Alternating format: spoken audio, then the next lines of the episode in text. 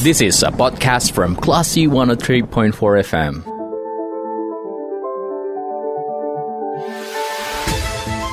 Sesaat lagi Anda akan mencermati Bincang Sehat Semen Padang Hospital.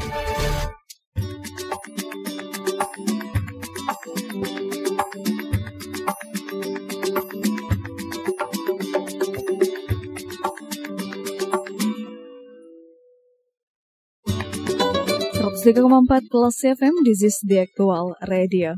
Kelas People, kali ini kita akan bergabung bersama dengan tim Live Outdoor Broadcast Radio Kelas FM dalam program Bincang Sehat Semen Padang Hospital yang akan dipandu oleh Faris Ahdada. Silakan Faris. Terima kasih Dita Indira yang sudah mengantarkan perbincangan kita di hari ini. Kelas People, saya Faris Ardana akan uh, saat ini sedang berada di lobi Semen Padang Hospital dalam program Bincang Sehat Semen Padang Hospital. Dan pada hari ini kita akan berbincang mengenai mengenali tumbuh dan kembang anak dan bagaimana orang tua mewaspadai eh, hal-hal yang terjadi dalam proses tumbuh dan kembang anak. Dan tentunya saya nggak sendirian karena kita sudah bersama dengan dokter spesialis anak, uh, konsultan tumbuh kembang anak Semen Padang Hospital ada dokter Eva Chundrayeti SPAK. Assalamualaikum dokter. Waalaikumsalam, Faris. Sehat dokter? Alhamdulillah. Alhamdulillah. Sehat. Udah lama kita berkomunikasi tapi alhamdulillah baru kali ini kita dipertemukan langsung ya dok. Iya, alhamdulillah. Alhamdulillah. Oke dokter, pada hari ini kita akan berbincang mengenai tumbuh dan kembang anak. Tentunya semua orang tua menginginkan anak yang uh, tumbuh uh, kembangnya optimal biar nanti jadi generasi yang membanggakan di masa depan. Iya. Tapi di awalnya saya mau bertanya nih dok, uh, apa sih yang dimasuk dengan tumbuh dan kembang anak ini?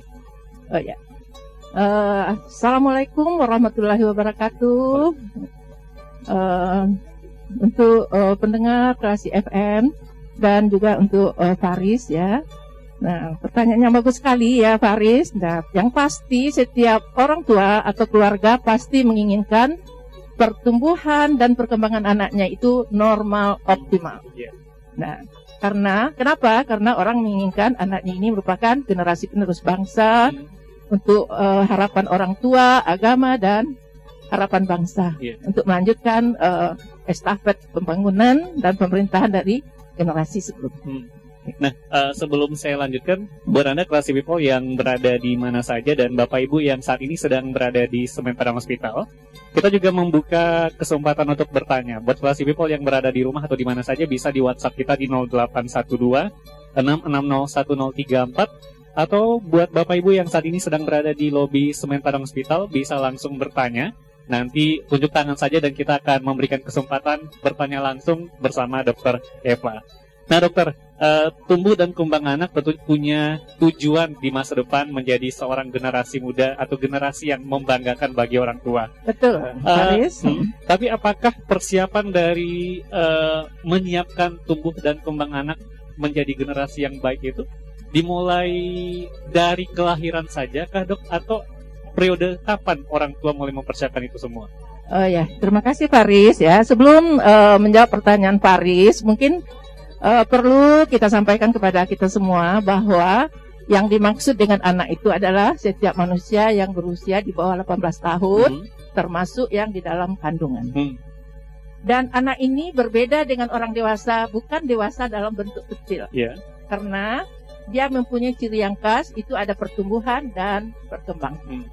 Dan seyoknya itu sudah uh, kita ketahui bahwa dari siklus anak itu mulai dari dalam kandungan, bayi baru lahir, balita, usia sekolah, remaja. Dan untuk mempersiapkan generasi penerusnya itu kita sudah mulai dari masa remaja, calon-calon ayah dan calon ibu. Seperti itu. Karena itu merupakan suatu siklus kehidupan yang harus kita waspadai. Hmm. Kalau bicara tentang menyiapkan dari seorang ibu atau ayah itu di masa remaja uh, remajanya dok, mm-hmm. itu seperti apa sih mereka mempersiapkan diri? Misalkan saya ini uh, menyiapkan diri menjadi seorang orang tua yang baik agar nanti anak juga uh, menjadi generasi yang ideal optimal. Ini seperti apa dok? Nah sebelum dia menjadi remaja kan sebelumnya itu dia ada uh, periode-periode tahap-tahap tumbuh kembang anak. Hmm. Seperti tadi dikatakan kita sudah mempersiapkannya sejak dalam kandungan. Yeah ya kemudian saat lahir balita, usia sekolah, dan remaja. Dan bagaimana kita menyiapkannya? Kita harus mempersiapkan kebutuhan dasar untuk tumbuh kembangnya. Hmm. Yaitu kebutuhan yang supaya lebih asuh, asih, dan asah. Hmm. Jadi asuh itu kita berikan asupan nutrisi yang baik, lingkungan yang sehat, kemudian kita berikan rasa kasih sayang dan memberikan stimulasi. Itu sudah dimulai secara uh, sejak dalam kandungan. Iya. Jadi itu merupakan siklus kehidupan. Berarti tidak hanya nutrisi atau dari gizi saja yang diperhatikan, Iya. tapi juga termasuk kasih sayang biar Iya. mereka nanti dapat menjadi seorang yang Iya. lebih baik gitu ya dok. Terutama itu di bawah usia lima tahun, itu anak itu tidak boleh kekurangan rasa kasih sayang. Hmm. Sebab kalau rasa kasih sayangnya kurang nanti itu akan menimbulkan masalah di usia sekolah, Hmm. remaja. Eh, nanti kita akan membahas tentang apa-apa saja masalahnya dok. Hmm. Tapi saya mau tahu juga faktor-faktor apa saja sih yang mempengaruhi tumbuh dan kembang seorang anak itu. Yang jelas faktor yang mempengaruhi tumbuh kembang anak yang pertama itu ada faktor internal Hmm. dan eksternal. Iya. Nah, yang utama faktor internal adalah faktor genetik. Hmm. Jadi pasti diturunkan dari kedua orang tuanya. Iya. Oleh karena itu, seperti kita ketahui, untuk tumbuh kembang yang bagus adalah bibit ya, bebet dan bobot. Hmm. Nah, kemudian faktor lingkungan. Nah, faktor lingkungan itu bisa sejak dalam kehamilan, saat kelahiran. Nah, itu tadi termasuk nutrisi, penyakit, penyakit ibu, obat-obat Iya. dan sebagainya. Jadi makanya harus diwaspadai seorang ibu yang hamil, dia harus mendapatkan nutrisi yang baik dan dijaga kesehatannya, jangan sampai terinfeksi ya dengan toksoplasma dan sebagainya. Itu faktor internal Iya. dan faktor eksternalnya. Kalau saya lihat atau saya eh, menyimpulkan dari apa yang dokter sampaikan, eh, faktor eksternal itu masih bisa diperbaiki atau masih bisa dikontrol gitu ya dok. Lalu bagaimana dengan faktor internal yang ya eh, itu sesuai dengan kromosom atau gennya yang Iya. mungkin diturunkan? Apakah itu bisa dikontrol juga oleh orang tua? Nah, yang jelas ya, itu yang harus kita kalau faktor internal genetik itu kan kita tidak bisa merubahnya. Hmm. Ya, itu sudah merupakan modal dasar bagi seorang anak. Apakah nanti dia mau menjadi laki-laki, Hmm. Eh, perempuan, tinggi, pendek dan itu ada faktor internalnya. Dan yang harus kita sebagai eh, apa eh, lingkungannya, baik lingkungan eh, ibunya, keluarga, masyarakat dan sebagainya itu yang kita pengaruhi faktor eksternal. Asupan gizinya, kemudian lingkungan yang sehat untuk anak yang aman. Nah, jadi memang peranan kita adalah di faktor eksternal. eksternal. Yang paling dominan dari faktor eksternal ini apa dok? Apakah keseluruhan itu memang harus diseimbangkan? Tapi kan kadang juga kita melihat eh, tidak semuanya bisa dimaksimalkan oleh orang tua. Mungkin di faktor gizinya termaksimalkan, tapi di faktor-faktor lain ada yang mungkin miss juga terjadi gitu. Nah, yang itu yang harus kita seimbangkan. Hmm. Ya, jadi eh, faktor nutrisinya jangan cuma diberi nutrisi tapi tidak diberikan dengan rasa kasih sayang. Iya. Kemudian tidak ada memberikan stimulasi. Hmm. Jadi harus seimbang. Iya. Ya, jadi harus ada semuanya. Baik.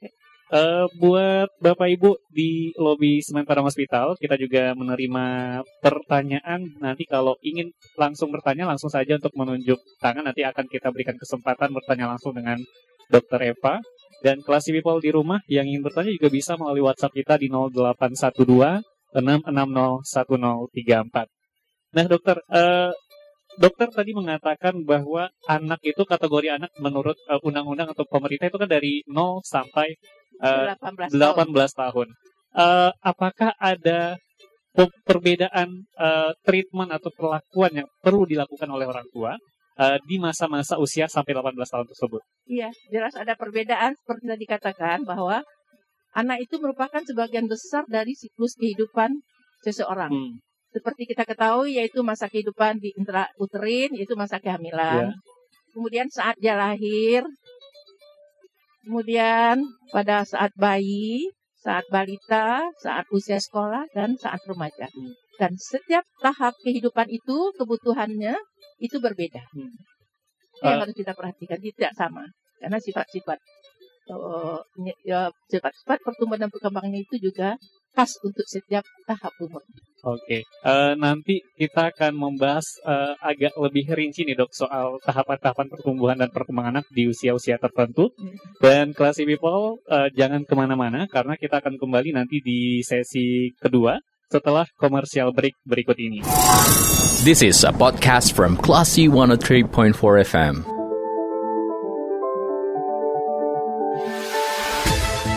Anda mencermati Bincang Sehat Semen Padang Hospital.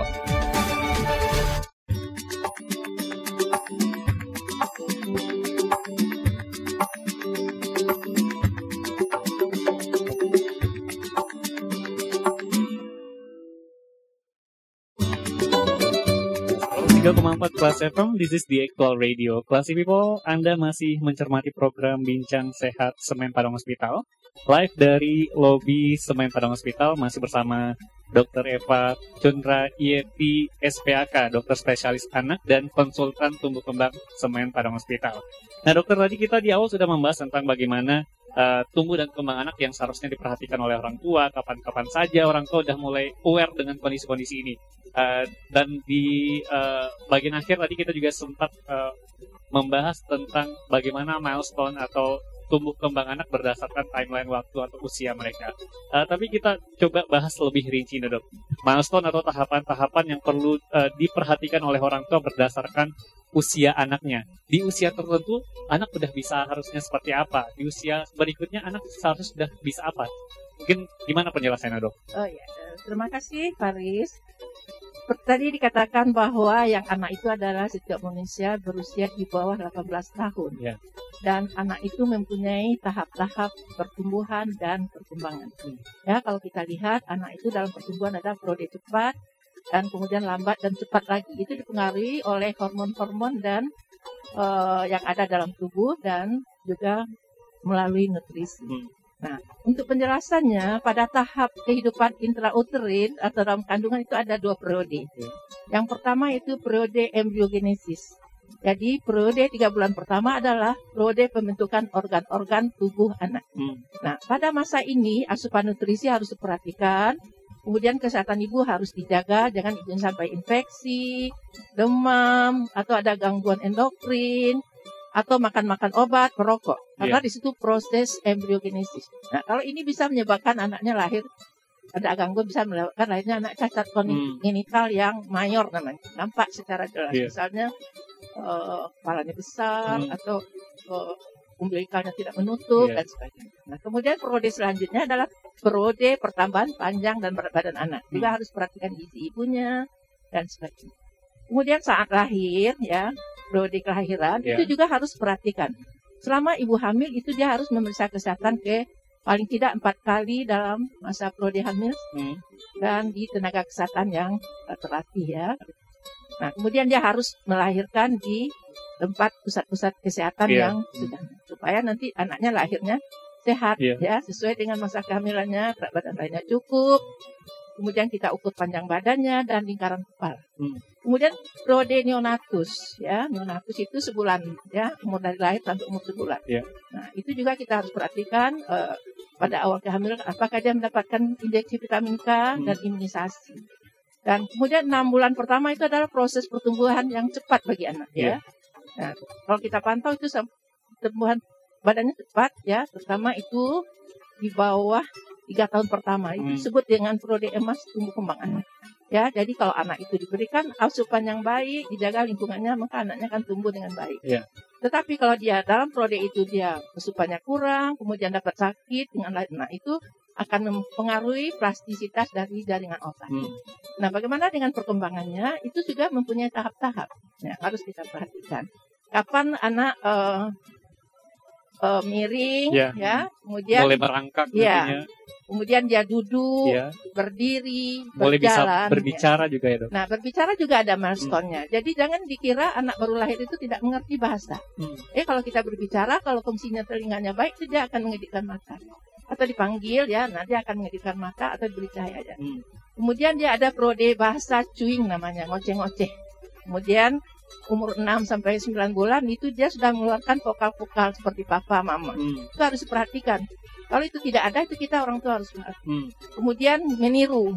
Nah, umur satu tahun dia sudah bisa mengeluarkan beberapa kata selain papa mama. Hmm. Biasanya umur 2 tahun anak itu voka- eh, kata-kata bendahara perbendaharaan katanya udah lebih dari 50. Cepat sekali berkembangnya. Nah, itu yang harus diperhatikan.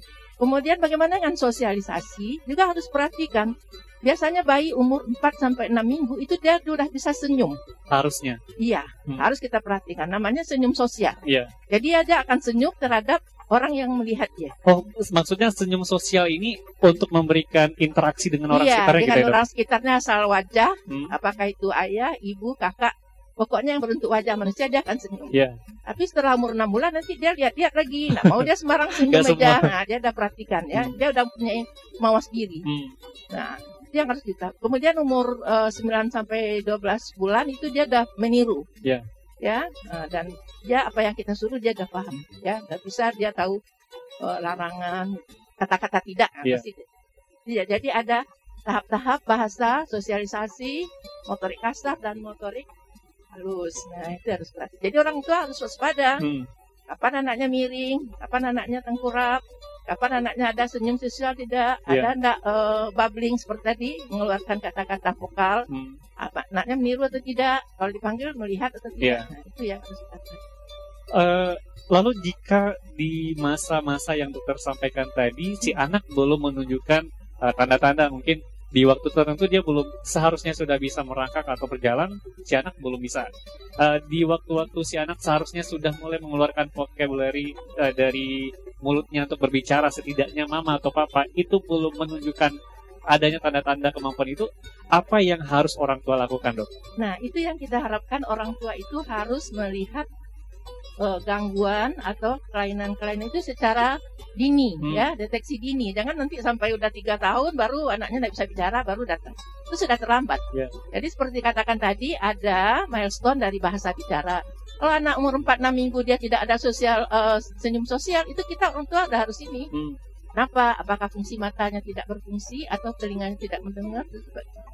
Nah, jadi itu deteksi dini. Jangan sampai udah satu tahun tidak bisa tengkurap, nah, itu udah terlambat itu. Jadi Berarti- ada prodenya itu sedini mungkin. Hmm. Saya pernah melihat anak-anak yang masih dalam eh, masa bayi nih dok, Mm-mm. udah punya pakai kacamata atau juga sudah pakai alat bantu dengar itu bagaimana si orang tua bisa mendeteksi itu terjadi? Ya, seperti tadi katakan bahwa anak baru lahir kalau dia mendengar suara dia mengedipkan mata. Hmm. Itu salah satu menyatakan bahwa fungsi pendengarannya baik. Hmm. Atau dia melihat ada senyum sosial. Iya. Nah, itu. Jadi itu udah harus waspada orang tuanya. Kok anaknya kok orang dari ribut dia diam saja gitu kan. Bisa seperti itu. Hmm. Itu sedini mungkin. Karena kalau ada gangguan telinga itu sudah harus terdeteksi pada usia 6 bulan. Iya. Dan sudah kalau bisa kalau ada gangguan telinga dalam itu menyebabkan anak tidak bisa bicara itu sudah bisa di eh, intervensi gitu. Hmm. Kalau dia ada kelainan. Intervensinya dari eh, dokter atau iya, dari kalau dia ada gangguan ya, Dok? ya. Kalau ada gangguan mungkin kan telinga itu ada telinga luar, Iya. tengah dan atau ada gangguan eh, eh, yang lainnya ya itu harus terdeteksi sedini mungkin. Hmm. Itu prinsip sedini mungkin. Jangan ditunggu oh enggak apa-apa tunggu aja dulu eh, neneknya bilang dulu seperti ini seperti enggak ada. Begitu Hmm. orang tuanya mengatakan kok anaknya beda dengan orang lain, itu kita harus eh, melakukan tes-tes perkembangan. Kalau misalkan nih dok, eh, sebelum waktu-waktu yang sudah disampaikan tadi, sebelum milestone-milestone tersebut eh, mencapai waktunya, tapi si anak sudah bisa melakukan itu semua, apakah ada momen juga itu terjadi dok? Oh ya, ada juga anak-anak yang cepat ya. Hmm, Nah, mungkin eh, kan ada juga yang di samping ada yang kurang, ada yang lebih. berapa sekian persen Hmm. ada anak yang eh, cepat ya. Iya. Belum kemampuan dia dia udah bisa Hmm. gitu. Nah, itu juga berhubungan dengan faktor genetiknya, lingkungannya, mungkin orang tuanya memberikan nutrisi yang baik, stimulasi yang benar, Iya. dan anaknya mempunyai eh, potensi untuk Apakah itu sesuatu yang perlu diwaspadai atau hal yang perlu disyukuri dok? Itu dua-duanya. Hmm. Nah, diwaspadai juga dan disyukuri juga. Ya, karena kalau kita salah juga me- me- mendidik anak yang eh, terlalu apa nanti, nah itu juga mempengaruhi perkembangan. Ya, jadi disyukuri juga Hmm. ya dan sambil di yang penting setiap saat dari tahap kehidupan itu kita tetap harus waspada apakah anak ini sudah sesuai dengan tahap-tahap eh, pertumbuhan dan perkembangannya sesuai tidak dengan usia. Hmm. Kalau berlebihan juga kita harus waspada. Misalnya berat badannya terlalu lebih, Ya. nah, itu akan mempengaruhi juga. Ya. Atau dan lain-lain. Ini ada pertanyaan nih dok. Uh, jika tidak mau uh, orang uh, orang tua tidak mau melakukan imunisasi, biasanya apa sih uh, dampak-dampak uh, yang mungkin bisa dialami oleh anak kan juga uh, meskipun uh, ada uh, kelompok masyarakat atau banyak masyarakat yang mau mengimunisasi anaknya juga sebagian juga ada yang ternyata tidak gitu. Oh iya, mungkin kita perlu memberikan pengertian atau uh, kenapa orang tuanya tidak mau mengimunisasi? Hmm. Karena imunisasi itu adalah salah satu usaha untuk mencegah penyakit-penyakit yang berbahaya pada anak melalui imunisasi. Yeah. Kenapa orang tuanya tidak mungkin orang tuanya belum paham hmm. atau perlu penjelasan lebih lanjut ya? Karena uh, Faris karena ada beberapa penyakit yang dapat dicegah melalui imunisasi. Hmm seperti penyakit TB, difteri, pertusis, polio, hepatitis. Nah, kenapa tidak kita imunisasi kalau dia bisa dicegah? Hmm. Ibarat kita berikan payung terhadap anak. Ya. Ya, jadi kita udah siap payung dulu sebelum hari hujan. Baik, uh, nah dokter terkait dengan faktor atau proses tumbuh kembang anak di masa-masa yang mungkin bisa dikatakan itu uh, usia-usia di bawah 2 tahun ya dok. Apakah melewati itu juga perlu diperhatikan oleh orang tua uh, terkait dengan faktor tumbuh kembangnya dok? Ya, tadi seperti dikatakan tadi pertumbuhan dan perkembangan itu sampai usia 18 tahun. Apa saja yang dilakukan oleh orang tua seharusnya? Ya itu yang pertama memberikan asupan, uh, memberikan kebutuhan dasarnya. Hmm. Ya, seperti tadi kebutuhan asuh, asih, sayang uh, dan uh, stimulasi. Hmm. Itu setiap tahap perkembangan tadi. Jadi yeah. bukan di bawah usia 2 tahun saja. Tetapi yang jelas di bawah usia 2 tahun itu adalah periode emas untuk pertumbuhan dan perkembangan selanjutnya. Kalau ini gagal, ibarat apa itu tentu untuk tahap berikutnya tidak.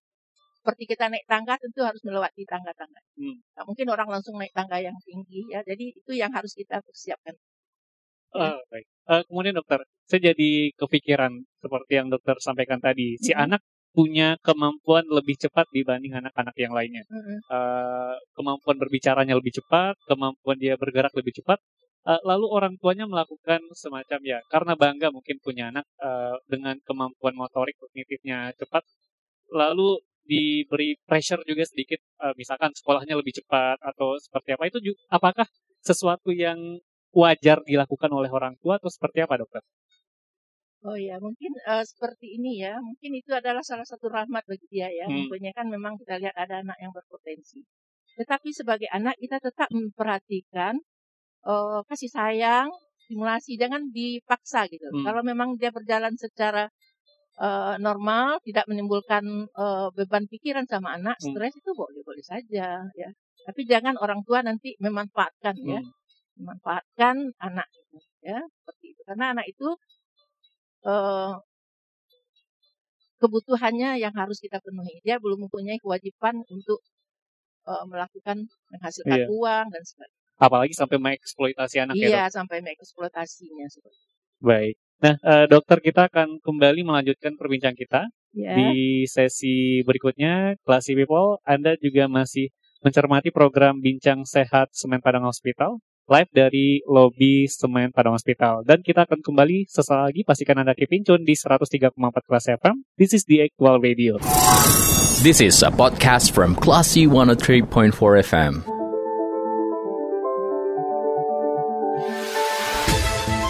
Anda mencermati Bincang Sehat Semen Padang Hospital.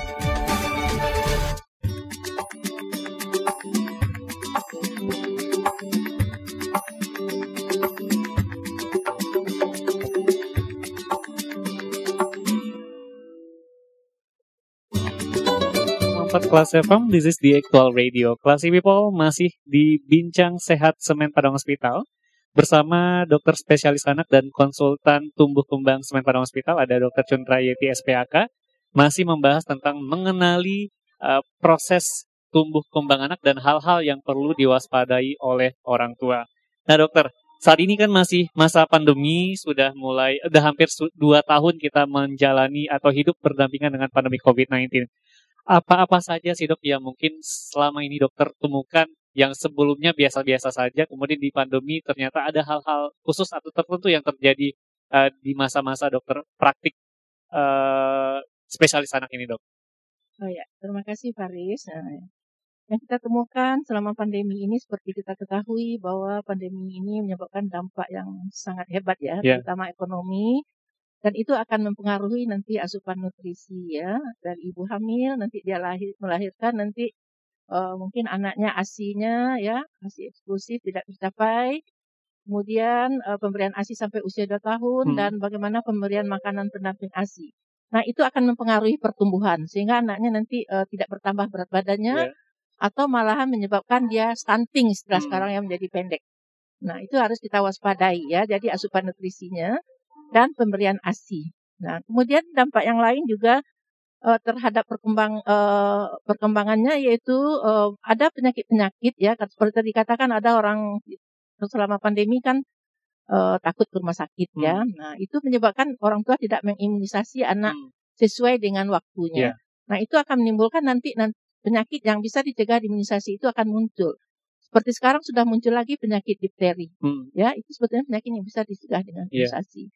Nah, yang ketiga adalah eh, di rumah ya, mungkin sebetulnya eh, dengan pandemi ini juga kesempatan bagi orang tua sebetulnya memberikan stimu- stimulasi yang benar sama orang tuanya Hmm. eh, pada anaknya ya.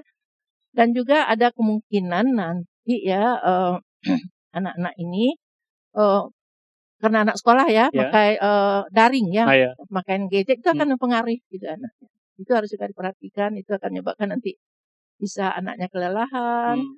Eh, gangguan pada mata dan malahan gangguan pada emosional. Dampak negatifnya banyak tapi bisa Banyak, dikontrol gitu iya, ya dok. bisa dikontrol Iya. ya. Itu Seperti itu. Itu Baik. dampaknya. Ini ada pertanyaan yang masuk dokter. Ya, Eh, silakan. Anak saya usianya 3 tahun 4 bulan. Ya. Saya pernah periksakan anak ke klinik di Padang, terus dikatakan kalau pertumbuhan normal, eh, kalau pertumbuhan normal, Mhm. tapi mulai menuju grow flattering. Ah, iya. Menurut dokter apa yang sebaiknya dilakukan oleh ibu ini?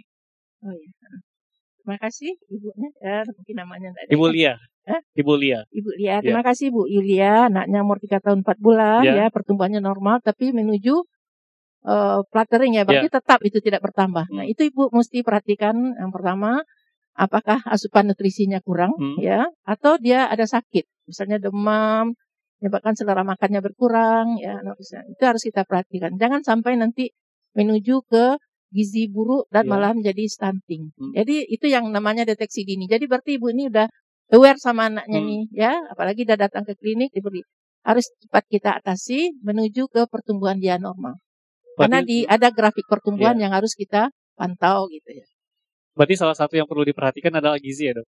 Ya, Nutrisi asupan anak. nutrisinya atau eh, Ada penyakit ada atau tidak? penyakit atau tidak atau ada masalah lain Hmm. seperti itu harus kita cari kenapa dia kok seperti itu. Mungkin asupannya kurang gitu ya. Tidak mencukupi kebutuhan eh, dia sesuai umur. Ini misalkan nih dok, Ya. grow flattering yang sudah dokter sampaikan tadi. Tapi orang tua nggak aware dengan grow flattering ini. Apa yang mungkin bisa terjadi pada anak? Nah, sebetulnya mungkin sebagian besar orang tua memang masih ada yang kurang aware ya. Hmm. Itu makanya seharusnya orang tua eh, rutin melakukan eh, Pemeriksaan. pemeriksaan Hmm. ya, penimbangan pada anaknya. Nah, sebelum pandemi kan ada posyandu Iya. ya. Jadi posyandu itu kan setiap bulan. Karena kita memahami bahwa setiap anak yang sehat bertambah umur, bertambah berat badan, bertambah pintarnya. Iya. Nah, mungkin sayang sama pandemi ini mungkin posyandu juga eh, tutup ya, Iya. orang tua juga. Nah, itu salah satu dampak. Nah, jadi kalau orang tuanya walaupun tidak kan di rumah bisa dia menimbang Hmm. menimbang ya. Jadi sediakan timbangan ya kita perhatikan semua. Kalau ada masalah cepat ke pergi ke tenaga kesehatan ya. Tapi kalau udah tahu ini berarti udah cukup aware dan Iya. mudah-mudahan bisa Iya, segera di. bisa segera dicari penyebabnya apa.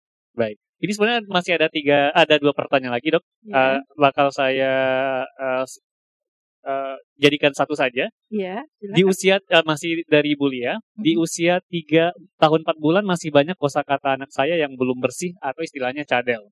Apakah ini eh, kondisi normal atau perlu terapi wicara yang dilakukan oleh Ibu Lia? Sebagai info dia bisa berbicara dalam kalimat lengkap, bisa bercerita dan berkomunisa- berkomunikasi eh, tanya jawab. Ini eh, seperti apa yang harus dilakukan orang tua dan juga berapa berat badan dan tinggi normal anak perempuan usia 3 tahun 4 bulan, Dok?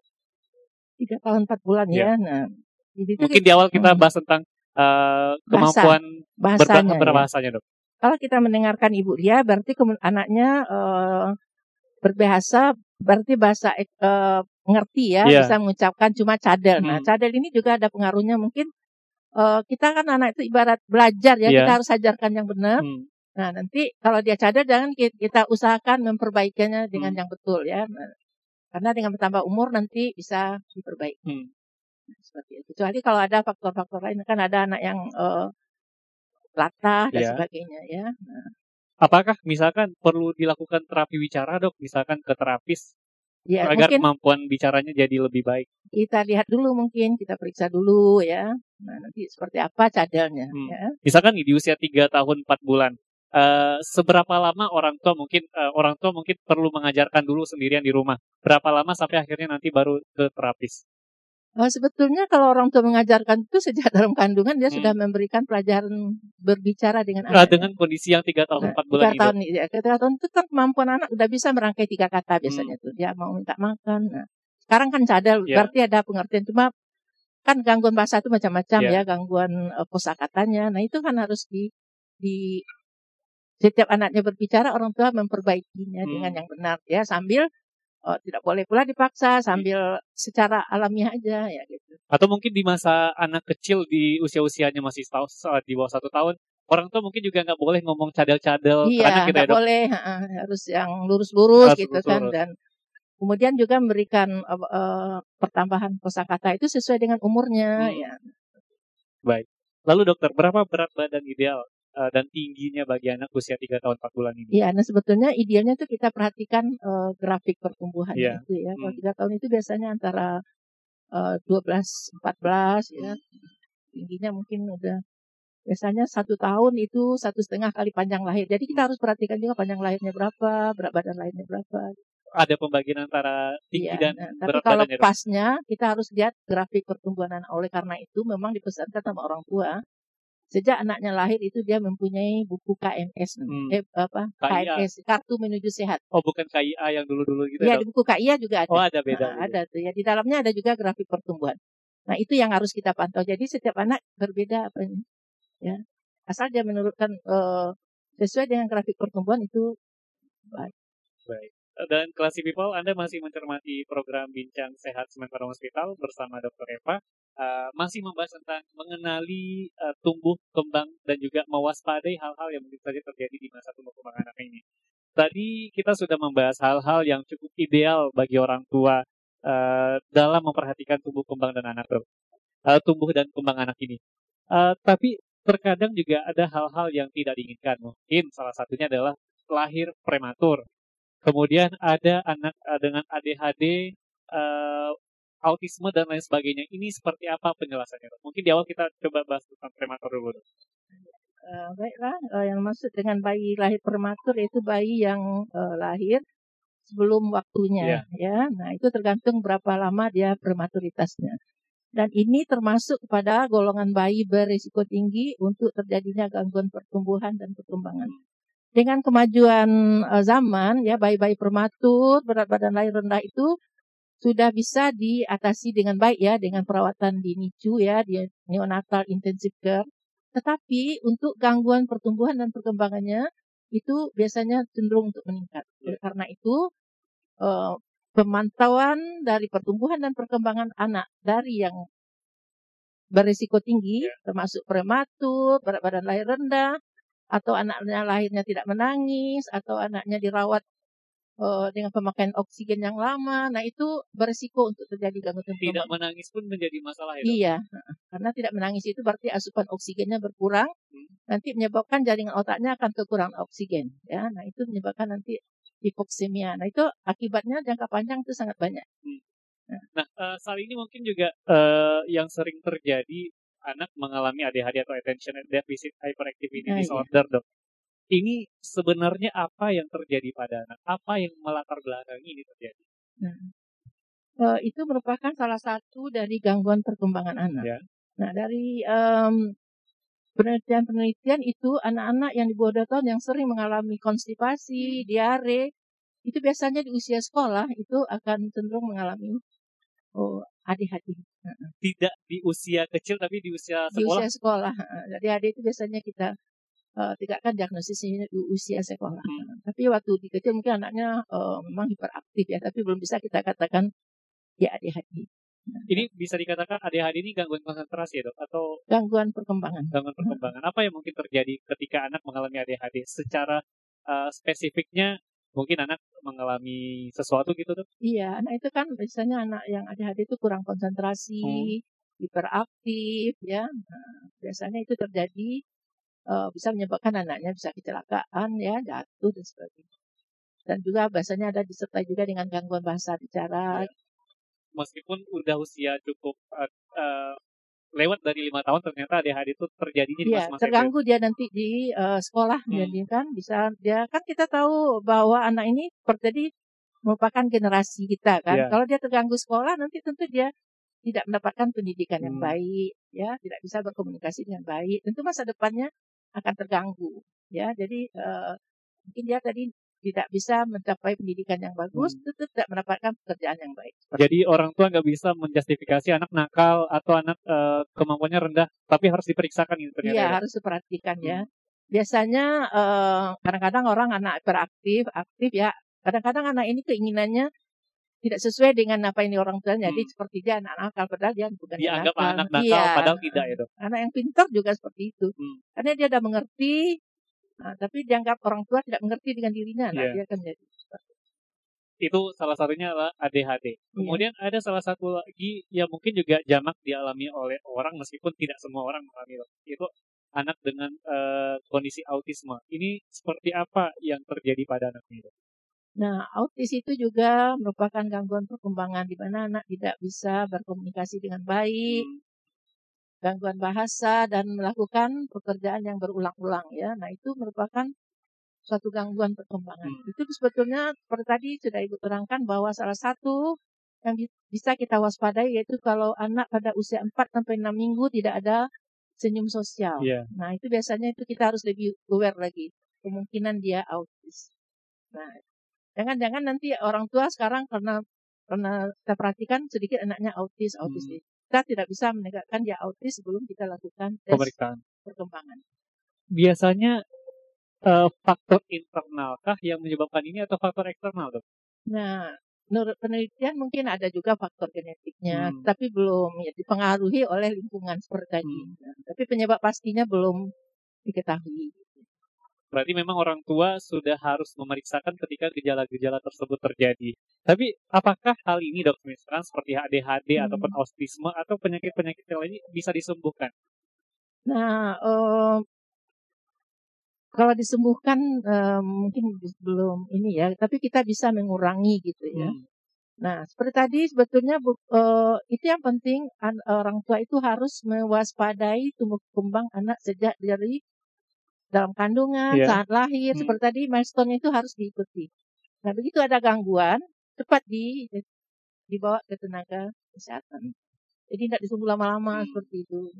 Nggak ditunggu makin parah, Iya, kemudian akhirnya nanti malah eh, makin sulit. makin eh, sulit hmm. kita mengintervensinya. Ya, tapi seperti itu. Makin dini kita menemukannya, makin eh, intensif intervensinya, dan mungkin eh, mudah-mudahan bisa dia menjadi sehat gitu seperti. Paling enggak dia bisa eh, potensinya itu eh, maksimal ya. Ini memang eh, bisa dikatakan atau disimpulkan dari pembahasan kita di awal, memang orang tua harus benar-benar aware dan perhatian dengan Iya. kondisi-kondisi yang dialami ya dok. Iya. Dari gizinya mungkin ketika hamil, kemudian juga nanti Iya. eh, lingkungan ketika anak sudah lahir, kemudian dewasa juga itu sudah harus diperhatikan. Iya, orang tua harus memperhatikan pertumbuhannya dari berat badan, panjang badan, lingkaran kepala. Hmm. Perkembangannya dari perkembangan motorik, yang motorik itu biasanya dari anak eh, miring, duduk, berdiri, jalan itu harus sesuai dengan waktunya. Kemudian perkembangan bahasanya juga seperti yang diterangkan. Jadi orang tua harus aware ya. Jangan nanti udah empat tahun baru oh, kok anak saya nggak bisa ngomong gitu kan, atau ngomongnya melantur Iya. seperti itu. Nah, itu kadang itu kita intervensinya udah agak terlambat ya Hmm. karena kita berhubungan dengan tumbuh kembang jaringan otak. Iya. Seperti tadi katakan terutama di bawah seribu hari pertama Hmm. kehidupan. Sekitar tiga tahun ya dok. Nah, dua tahun ya, kemudian tiga tahun ya karena seperti itu yang harus kita perhatikan ya. Dok, karena waktu juga yang membatasi kita, eh, mungkin kita mau meminta closing statement dari pembahasan kita terkait dengan mengenali eh, tumbuh dan kembang anak, termasuk juga mewaspadai hal-hal yang berisiko terjadi pada tubuh dan kembang anak. Silakan dokter. Ya, ya terima kasih uh, para pendengar dari Klasi FM ya. Kita sebagai orang tua ya menginginkan generasi kita ke depannya menjadi uh, normal, optimal pertumbuhan dan perkembangannya. Kita harus memantau pertumbuhan ya sejak dari kehamilan.